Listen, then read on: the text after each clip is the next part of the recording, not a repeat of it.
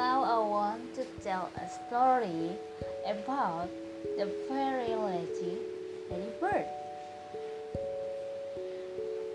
This is the story about the fairy lady Ladybird. She liked to sleep all day and all night. And because she slept all day and all night, this lazy ladybird didn't know how to fly. And one day, the lazy ladybird wanted to sleep somewhere else. But what could she do if she couldn't fly?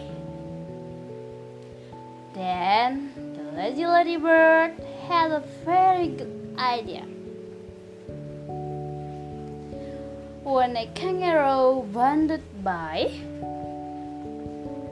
she hopped into her pouch.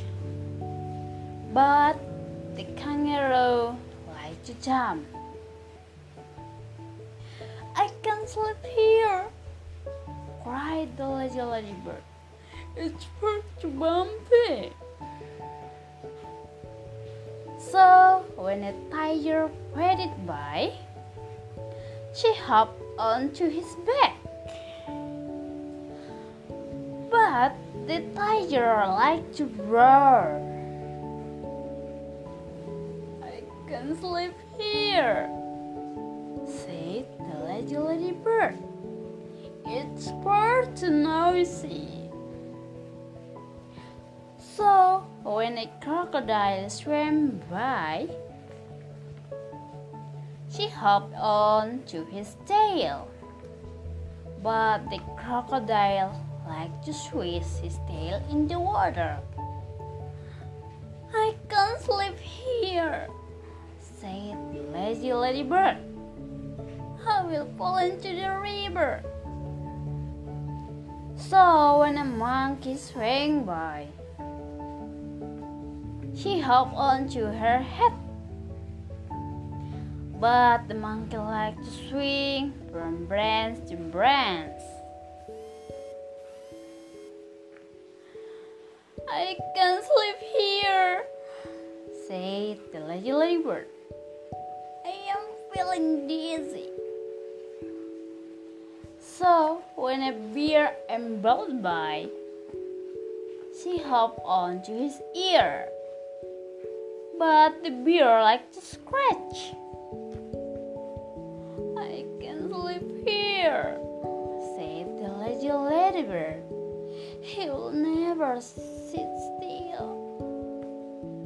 So when a tortoise floated by, she hopped onto her shell.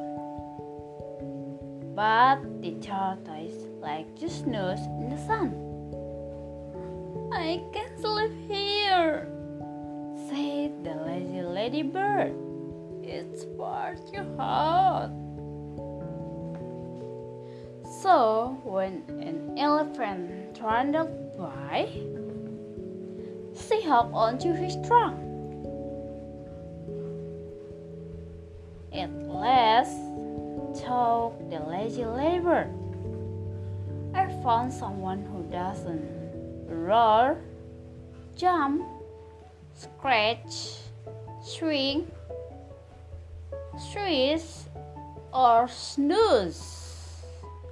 But at the very moment, the elephant sneezed. Achim!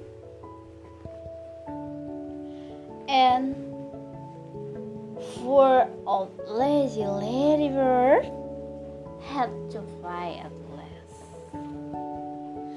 Okay, friend, thank you for listening my story.